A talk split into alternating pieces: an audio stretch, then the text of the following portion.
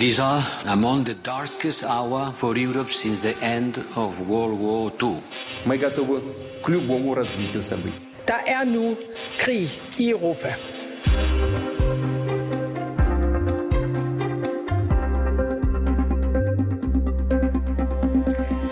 veltrænede frivillige civile fra Vesten, der tager til Ukraine og kæmper mod russerne, frivillige cyberkrigere, der angriber Rusland hjemme fra deres stuer i Vesten, materiel og våben, der sendes ind over grænsen til Ukraine fra Vesten, historisk store sanktioner mod Rusland fra Vesten og måske vestlige spioner på både ukrainsk og russisk jord. Vesten, og nærmere bestemt NATO, er ikke officielt i krig i Ukraine, men vi bidrager og deltager tydeligvis. Du lytter til Krig i Europa, hvor vi i dag ser nærmere på den kæmpe gråzone, vi befinder os i lige nu. Jeg hedder Alexander Vils Lorentzen. Og jeg hedder Cecilie Lange.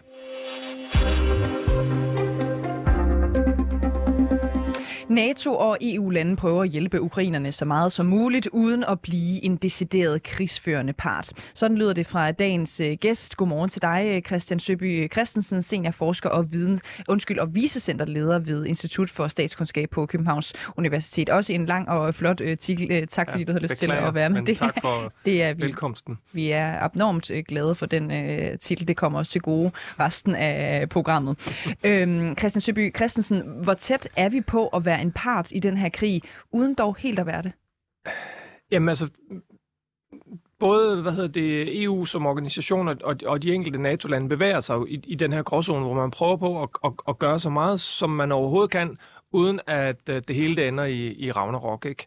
Øh, og, og hvad hedder det, der føler man sig jo lidt frem. Man kan sige, at der er nogle, nogle, nogle juridiske regler for, hvordan, hvornår man konkret bliver en krigsførende part, men, men der, der er langt til, vi er der. Altså, man kan gøre rigtig mange grimme ting øh, ved russerne, inden at man, at man, at man overtræder nogle, nogle juridiske regler. Så det her det er mere et politisk spil i forhold til, hvor meget, hvor meget tror de vestlige lande, at de kan gøre, uden at russerne og Putin føler sig så presset, så de, så de reagerer igen. Så det, det, er, det er meget svært at finde ud af, hvor, hvor grænsen egentlig går, og, og den flytter sig jo også hele tiden, og, og man skal tage de russiske signaler i betragtning, hvor, hvor risikovillig er man. Og altså, det bedste eksempel på, at det her det er flydende, jeg tror, den er sagen fra sidste uge med, med de her polske kampfly, som hverken øh, USA eller Polen alligevel synes, at de turer øh, leverer til, øh, til Ukraine. Men der strømmer jo stadigvæk al mulig øh, støtte, både øh, hvad skal man sige, officiel våbenstøtte og penge, og et, et godt eksempel herhjemmefra i går er jo den, den dansk-ukrainske komité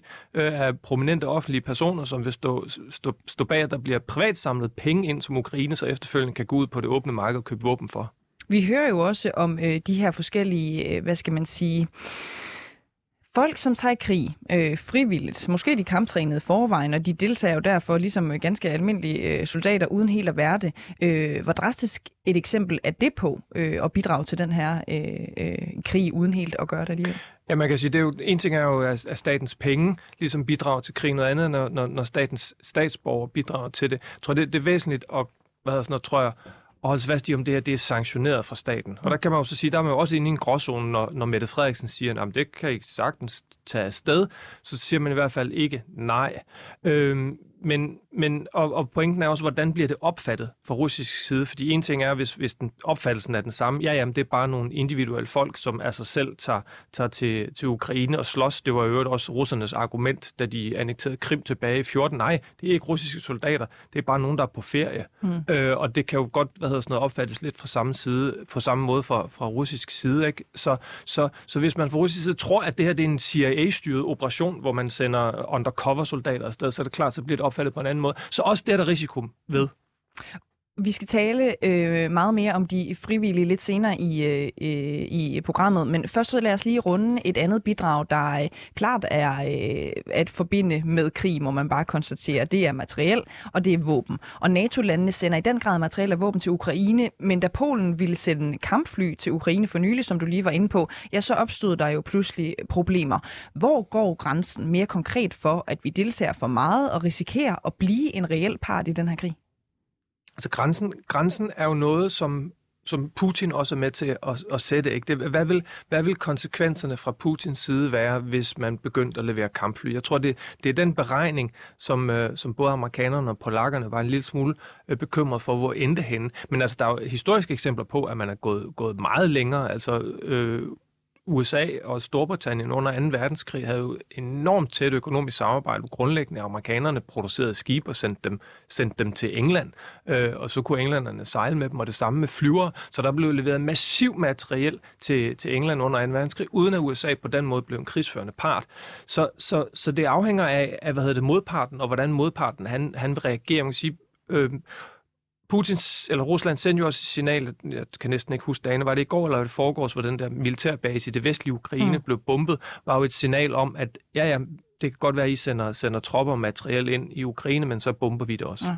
Christian Søby Christensen, seniorforsker og vicecenterleder ved Institut for Statskundskab på Københavns Universitet. Du er heldigvis øh, med os under hele udsendelsen, og vi vender tilbage til dig lige om et øjeblik.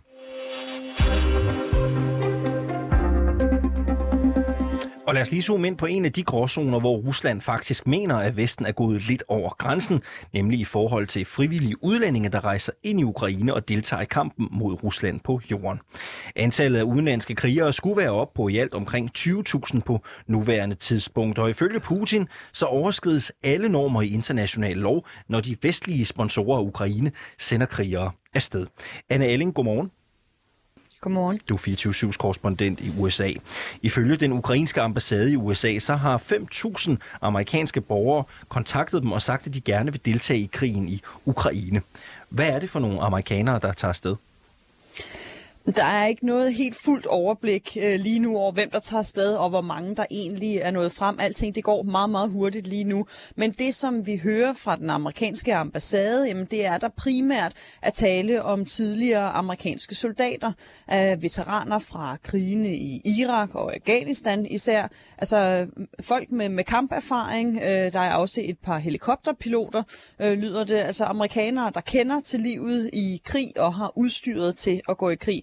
Og derudover, jamen, så ved vi også, at der allerede er en del øh, amerikanere i Ukraine. Det har længe siden 2014 været et populært destination for, for højre radikale, øh, både amerikanere, men vesterlændinge i det hele taget, at tage til, tage til Ukraine for at få kamperfaring. Øh, Ukraine har, har deporteret flere af dem de seneste uger og sagt, at de ikke vil have, at de er der. Men, men vi ved altså, at øh, nogle af dem helt sikkert stadig er til stede i Ukraine. Ja, jeg fik sagt, at der var 5.000. Øh, 3.000 er det rigtige øh, tal. Jeg fik simpelthen læst øh, forkert. Øh, det er jo den ukrainske præsident Zelensky, der har bedt frivillige fra udlandet om at melde sig til at kæmpe i Ukraine. Øh, nogle er jo også de her amerikanske veteraner. Altså prøv at, at, at beskrive for os, hvorfor de eksempelvis tager sted.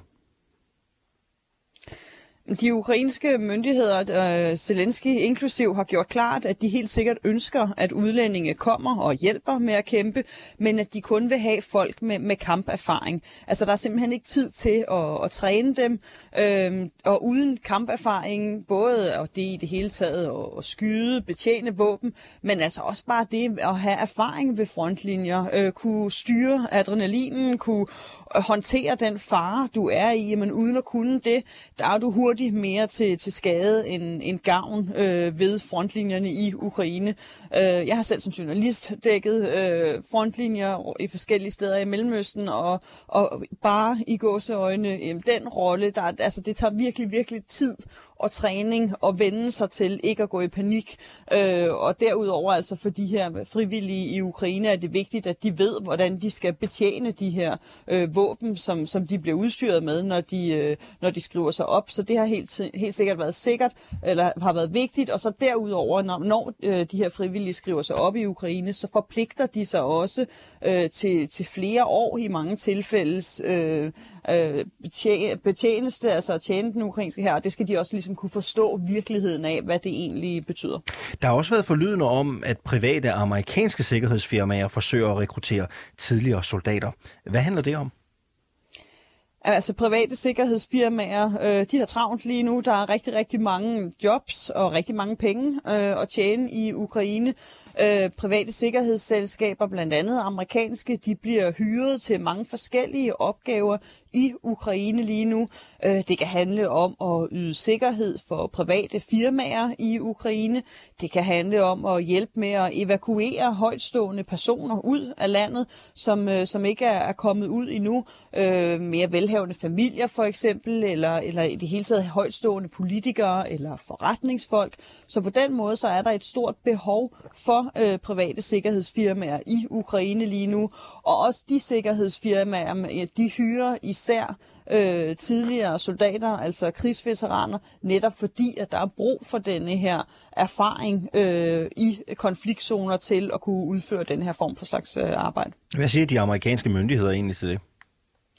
Det er jo i den grad en, øh, en gråzone. Øhm, altså, det er jo ikke forbudt øh, at hyre de her private sikkerhedsfirmaer ind, men de samme øh, bekymringer, som der er ved, at øh, amerika- civile amerikanere tager ind og kæmper i Ukraine, det samme er der selvfølgelig også ved, øh, at de her sikkerhedsfirmaer øh, er i Ukraine.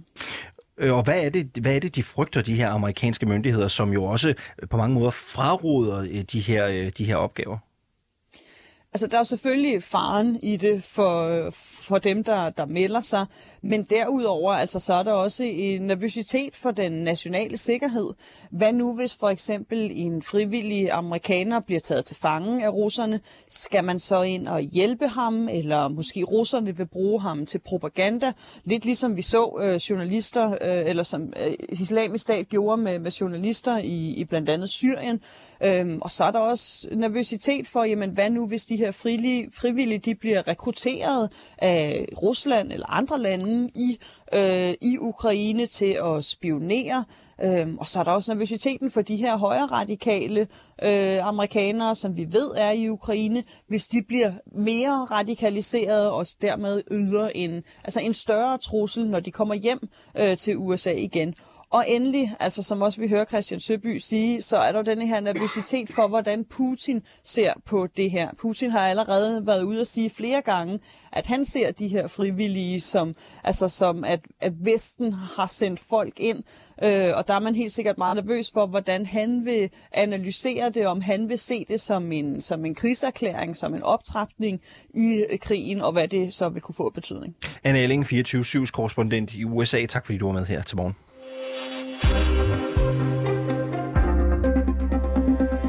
Christian Søby øh, Christensen, du er stadigvæk med os her i øh, studiet. Allerførst kunne jeg godt tænke mig at spørge, hvad sker der egentlig, hvis en amerikaner for eksempel, eller en, en anden frivillig kriger fra et NATO-land, bliver dræbt i Ukraine?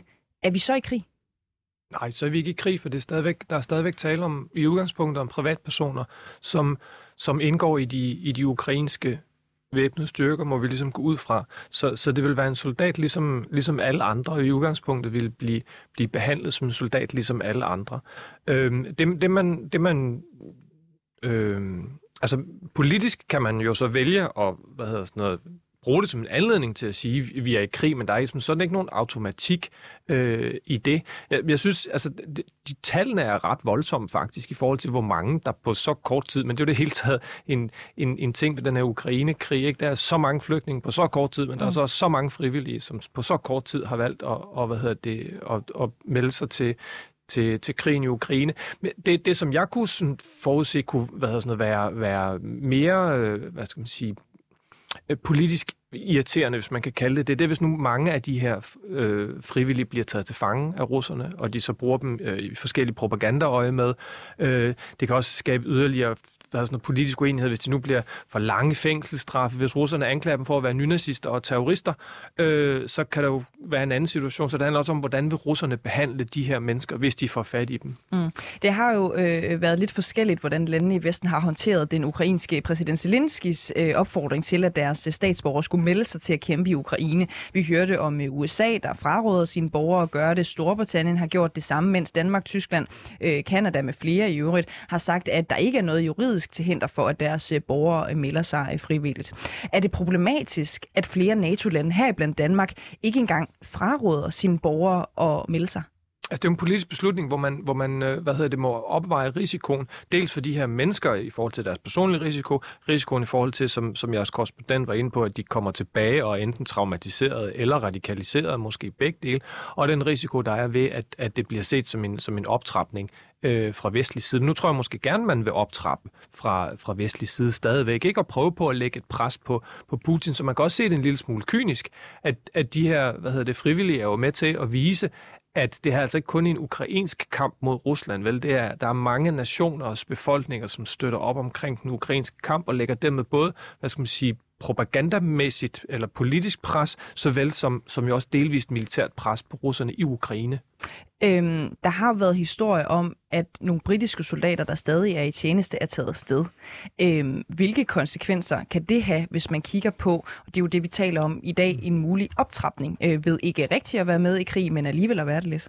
Jamen det er klart, det, det vil, det vil hvis, hvis det passer. Nu tror jeg, man kan være med i, med i de britiske væbnede styrker på mange, på mange måder. Ikke? Ligesom jeg nævnte før, de, de grønne, russiske grønne mænd på Krim, som var på citationstegn ferie, det kan de her britiske soldater også være. De kan også være en del af reserven. Mm. Øh, men, men det er klart, hvis, hvis, hvis, hvis man, det vil også være en propagandasejr for, for, for Rusland, hvis, hvis han kan, kan vise, at der er regulære britiske styrker, og vil kunne vise, at det er Vesten, han er i krig med, mm. og på den måde yderligere skabe den her belejringstilstand eller belejringsmentalitet i Rusland. Så, så, så der er også risiko forbundet med det, men stadigvæk er det ikke noget, der automatisk fører til at Storbritannien bliver en krigsførende part. Mm. Udover dem, der tager til Ukraine for at kæmpe direkte mod russerne, så er der også øh, dem, der kæmper mod Rusland hjemmefra i cyberspace. Øh, for eksempel omkring 300.000 mennesker har meldt sig via en uh, Telegram-kanal med navnet øh, uh, IT Army of Ukraine.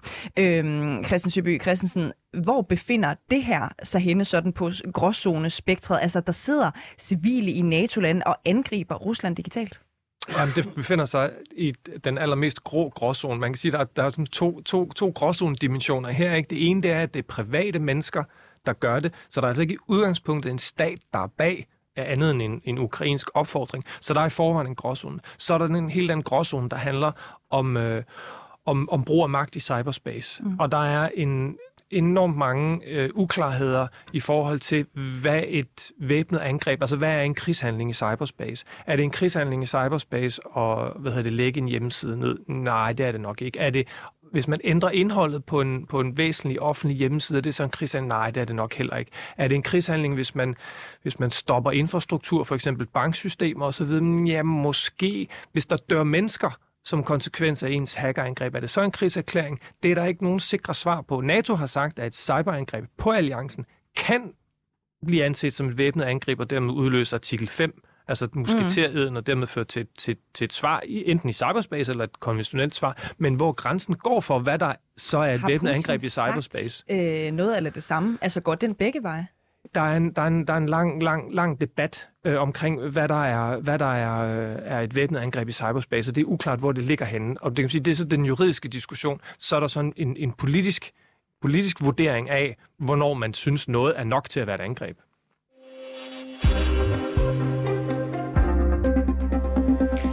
Krig i Europa taler vi i dag om NATO, der er i krig uden altså officielt at være i krig.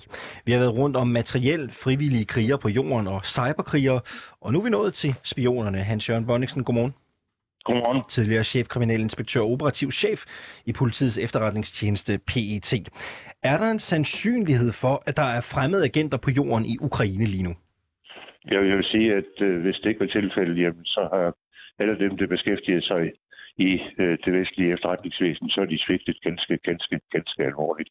For selvfølgelig det, som jo er helt elementært, det er, at lige her nu, hvor 365 dage i døgnet, jamen der foregår øh, spionagen, og den foregår uanset om det er krig eller ej. Men det, der er vigtigt og helt afgørende, det er, at man faktisk har så at sige, spionerne på plads i det øjeblik, at det foregår krigshandlinger. Det er for, at man kan medvirke til at få et overblik, et overblik, som gør, at man ikke kommer til, og det frygter alle, kommer til at overreagere på en eller anden hændelse, som man ikke burde overreagere på, og dermed medvirke til at udløse et Ragnarok. Hvilke lande har interesse i at have agenter på jorden i Ukraine? Alle har interesse i agenter på jorden, både fra russisk side og i højeste grad også fra vestlig side, altså NATO. NATO siger sig selv ikke, at som jo bliver betragtet næsten som en, en, en part i, i sagen, og det skal ikke ret meget til, før at man jo kommer til at overtræde nogle, nogle regler, som udløser musketerer ind, som vi lige har talt om. Så det er utrolig vigtigt, at man har forberedt sig, og man har forberedt sig i meget lang tid. Og jeg vil sige, at når man taler om spionage, så er det ikke et spørgsmål om at få spionerne ind her nu. Nej, så er det et spørgsmål om, at man i fredstid forsøger på at infiltrere og infiltrere på en sådan måde, at man i påkommende krisetilfælde har spionerne på plads. Et meget, meget, meget et godt eksempel på det, det er faktisk, at under Kuba-krisen, som, som jo i nyere historie siger, at det vil være tættere på Ragnarok, det som kun har udløst atomvåben, der havde man faktisk øh, i lang tid været en kroofficer, altså en russisk efterretningsofficer, en militær efterretningstjeneste, som hed Ola Penkowski. Og Penkowski var faktisk i stand til at levere informationer til USA på en sådan måde, at man håndterede de her 13 meget alvorlige døgn på en sådan måde, at man ikke fik udløst atomkrig. Så det er et eksempel på, at man i tide havde placeret personer i indekreds. Det er det, det drejer sig om at få personer ind så tæt i indekreds på beslutningen tages, så man er i stand til i tide at, at reagere på, på, på, på hændelser. Du siger både Rusland, men i den grad også Vesten øh, har interesse i at have fremmede agenter på jorden i Ukraine lige nu. Øh, så kan vi jo heller ikke komme udenom øh, USA. Lad os tage USA som et eksempel. Hvad kan USA Jamen, helt konkret få ud af at spionere på krigen i Ukraine? Jamen, i allerhøjeste grad, fordi det USA er jo hovedentreprenøren i, i NATO og har fingeren på pulsen og helt klart få en fornemmelse af, jamen, øh, hvilken retning drejer sig. Det er det en mulighed for, at man kan medvirke til at øh, udløse nogle fredsforhandlinger. Det var faktisk tilfældet under Kuba-krisen. Der var det jo ikke øh, på slagpladsen, det blev afgjort. Der var det faktisk på grund af, at man havde spionerne på plads, og som var i stand til at øh, formidle en, en holdning og en stemning ud over den ophidsede stemning, som selvfølgelig findes på det politiske niveau, både retorisk og også i form af brug af magtmidler. Der er det rart at have nogen som køligt bagved velovervejet er i stand til at foretage øh, nogle undersøgelser, nogle indhentninger af efterretninger, som gør, at beslutningstagerne kan forholde sig til det og medvirke til, at man måske kan nå en fredelig løsning. Bonniksen, hvad laver de her agenter helt konkret på jorden i Ukraine lige nu? Jeg vil sige i øjeblikket, der findes jo tre klassiske metoder, som relaterer sig til efterretningsvæsenet, som ser så at sige, historisk tid. Det, der hedder signalintelligens, og der må jeg erkende, at hvis det er noget, som er effektfuldt i øjeblikket, og som vi jo faktisk ser resultatet af hver eneste dag, jamen så er det alt det, man kan hente fra luften af. Det er det, materiale, som spion, spionsatellitterne kan levere omkring troppebevægelser. Det er den kommunikation, der finder sted mellem russiske soldater og til, til deres pårørende hjemme, hvor man i øjeblikket har en klar fornemmelse af, at moralen på den russiske side nok ikke er så stor, at de er så kampduelige, som man har forestillet sig. Jamen på, på den måde indhenter man jo alle de informationer, som så gørs til genstand for analyse i forhold til øh, de spioner, som man i forvejen har på plads, både på, fra russernes side og fra, fra de vestlige allierede side af. Og det medvirker så til, at man kan komme med nogle vurderinger, som kan bruges af, af det politiske niveau. Hans-Jørgen Morgensen, øh, tidligere chefkriminalinspektør og operativ chef i PT. Tak fordi vi lige måtte ringe til dig her til morgen. Velbekomme. Christian Søby Christensen, øh, seniorforsker og vicecenterleder ved Institut for Statskundskab. Du er stadig med her i studiet. Fremmede magter, såsom USA, deltager officielt ikke i krigen nede på jorden, men vi hører jo fra Bonniksen her, at der i allerhøjeste grad er sandsynlighed for, at de har spioner til stede i konfliktzonerne. Deltager de så ikke i krigen på en måde, eller hvordan skal man læse det? Nej, der er hvad hedder, sådan noget generelt øh, konsensus omkring, at, at selvom landene kriminaliserer spioner på deres territorier, så er det en praksis øh, blandt lande. Så, så der man spionerer mod hinanden, øh, er der ikke som sådan noget, øh, hvad hedder sådan noget, bliver man ikke nødvendigvis en krigsførende part af. Og det er klart, at, at, at alle amerikanske spionageøjne er selvfølgelig rettet mod Ukraine lige i øjeblikket, ikke? så jeg tror, man, man trækker på alt, hvad man kan. Også i forhold til det, vi snakker om før omkring, omkring cyber, er jo cyber jo også et, altså prøve på at bryde ind i forskellige russiske kommunikationsnetværk og hente information ud af der, er jo også en væsentlig del af, af hvad hedder det, spionage øh, i vores dage. Så jeg, altså, den får på, på, alle, på alle niveauer, på alle tangenter med mennesker på jorden, forsøg på at finde ud af, hvad sker der taktisk på slagmarken, hvordan ser den, den, de, de sådan beslutningsprocesserne i øvrigt ud øh, i, i den russiske her, så vidt som prøve på at kratte sig ind under overfladen i Kreml for at finde ud af, hvor, hvordan øh, situationen er, øh, i, hvis ikke i Putins hoved, så i hvert fald øh, i hans inderkreds. Så kan vi i Vesten i virkeligheden bare give den øh, fuld gas med agenter og øh, spionage i Ukraine? Jeg tror, at man skal skelne mellem spionere og sabotere. Ikke? Hvis, det er, hvis det er sådan, hvad sådan noget, agenter, der springer ting i luften, ikke? Så, så, så er det noget andet, end hvis det er agenter, som opbygger et netværk af kilder, som er med til at indhente information. Det, det er ligesom to forskellige øh, aktiviteter. Og hvad hedder det i forhold til at indhente information, så er, det, så, så er der ikke nogen ligesom, praksis for, at det leder til, at man bliver en krigsførende part. Så det er bare at give den fuld gas der.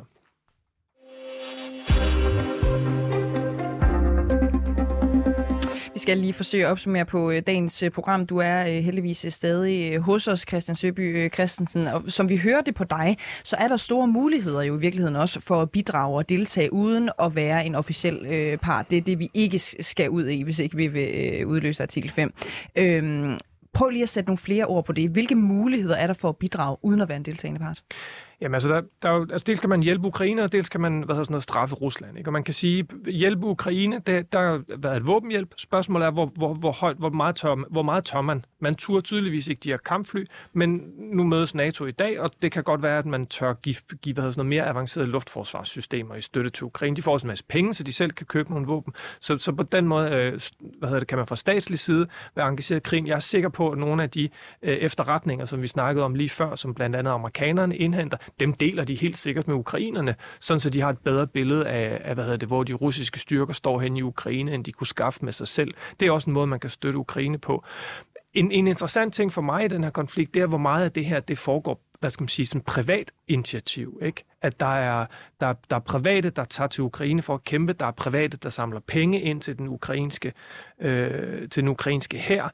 Der er private firmaer, som går længere end sanktionerne og trækker sig ud af Rusland. Så der er sådan en, en, en bred privat indsats også, som, som er lidt af en, af en ny ting i forhold mm. til, hvad vi ser tidligere, som ikke er noget, som er, som er statsstyret, men som ligesom er civilsamfundet selv, der støtter Ukraine og straffer Rusland, udover hvad staterne sådan set lægger op til. Mm.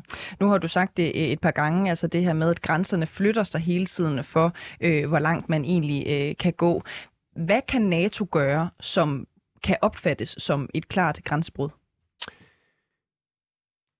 Det er et godt spørgsmål, fordi det er Putin, der er med til at definere, hvad et, mm. klart, øh, hvad et klart grænsebrud er. Så, så hvad det grænsebrud er, afhænger nok også af, hvordan det går på slagmarken. Man kan sige, at hans grænse for, hvad han vil finde sig i, den kan, den kan hvad hedder det, noget, blive lavere, hvis det går skidt. Hvad tror du ville kunne øh, Jeg tror, udløse Putins øh, maksimale frustration?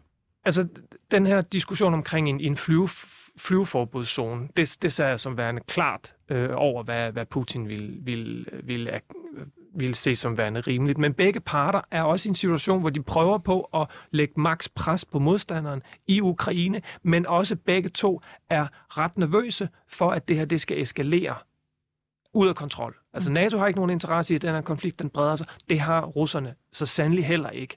Så, så man er ligesom fanget i en situation, hvor man på den ene side skal lægge pres på den anden, men man skal også passe på, at presset ikke bliver så stort, så det eskalerer ud i noget, man ikke vil. Så derfor er det, er, det en, er, det en, er det en ret følsom situation, hvor man må prøve sig frem og hele tiden skal tolke, hvad er det modparten, han siger, hvor stærke er hans signaler, hvordan skal vi læse bumpning af en militærbase, hvordan skal vi læse et ændret flymønster, øh, og hvordan skal vi forstå de signaler, der bliver sendt fra russisk side. Og der er den spionageindsats, som vi snakker om før, jo også vigtig i forhold til at danne sig et, øh, et godt billede af modparten. Christian Søby Christensen, seniorforsker og vicecenterleder ved Institut for Statskundskab på Københavns Universitet. Tusind tak, fordi du var med. Velbekomme.